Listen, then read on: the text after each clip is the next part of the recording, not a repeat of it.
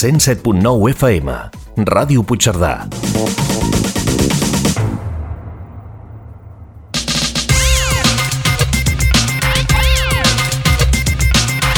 A la sintonia de Ràdio Puigcerdà, els dimarts a les 12 del migdia, Ciència en Colors, presentat per l'Enric Quílez, un programa de divulgació científica i tecnològica.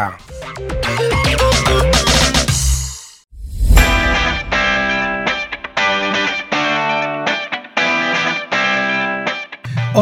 sóc l'Enric Quílez i això és Ciència en Colors, un programa que tracta sobre ciència i tecnologia. Avui tractarem sobre les aurores polars. Les aurores polars són un dels fenòmens més espectaculars i bonics que es poden veure des de la superfície de la Terra. Tenen lloc, generalment, a prop dels pols. Quan es donen al pol nord s'anomenen aurores boreals i quan passen al pol sud, aurores australs. Però què és una aurora? Doncs bàsicament es manifesta com unes cortines nocturnes de llum difuses de diferents colors que van des de tonalitats com el vermell, el taronja o el blanc, passant pel verd i el blau. A més a més, aquestes cortines es mouen i formen uns patrons molt característics al cel.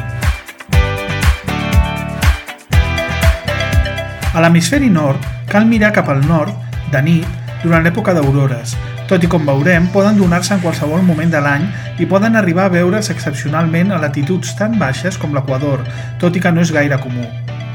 A la península ibèrica se'n veuen de tant en tant, no sent un fenomen gaire habitual, tampoc. El nom d'aquest fenomen, l'aurora, li va posar l'astrònom Galileu Galilei en referència a la deessa romana de l'albada, Aurora. Les aurores són un fenomen natural produït per la interacció del vent solar amb la magnetosfera terrestre, però també es poden produir artificialment mitjançant satèl·lits i també n'apareixen durant les explosions nuclears. El Sol emet contínuament rajos de partícules carregades elèctricament. Formen part d'allò que es coneix com el vent solar i pot estar format, entre altres coses, per protons o per electrons, que són partícules carregades elèctricament. Quan arriben prop de la Terra, interaccionen amb la magnetosfera, que és una mena d'escut magnètic natural generat per la Terra en girar sobre si mateixa i gràcies al seu nucli magnètic. Alguns planetes, com Júpiter o Saturn, també en tenen, i solen ser realment espectaculars, ja que tenen una magnitud molt superior a les de la Terra.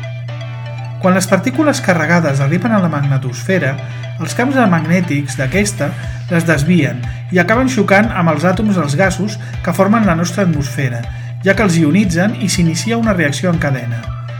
Això fa que emetin llum en unes freqüències característiques i es produeixen els colors característics de les aurores. Segons quina partícula xoqui i amb quin tipus d'àtom xoqui, es produeix un color o un altre. En alguns casos, les aurores són especialment intenses. Això passa quan el Sol produeix un succés anomenat ejecció de massa coronal, és a dir, que part de la corona solar sofreix una mena d'erupció i una tempesta anòmala de partícules carregades arriba a la Terra. Llavors es poden veure aurores molt potents, encara que no sigui temporada, i fins i tot a latituds molt baixes. Els pobles nòrdics anomenaven les aurores polars com les llums del nord i les atribuïen a fenòmens relacionats amb els déus.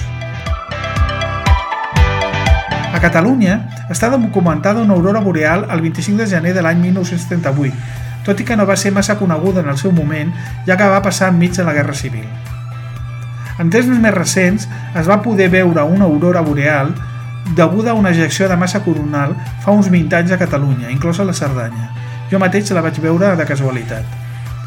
En els països nòrdics, com és el cas de Finlàndia, les aurores boreals representen una font d'ingressos en forma de turisme, ja que s'ofereixen viatges per als turistes durant els mesos d'hivern per poder-les contemplar. Fins i tot, alguns hotels ofereixen una mena de bungalows amb el sostre transparent a fi de poder-ne gaudir de les aurores des del llit i poder-les detectar, ja que no duren massa temps. I fins aquí el programa d'avui. Al proper programa tractarem sobre la sang humana. Si teniu consultes sobre el món de la ciència i la tecnologia, feu-nos-les arribar al mail grup arroba i mirarem de respondre-les en futures edicions del programa.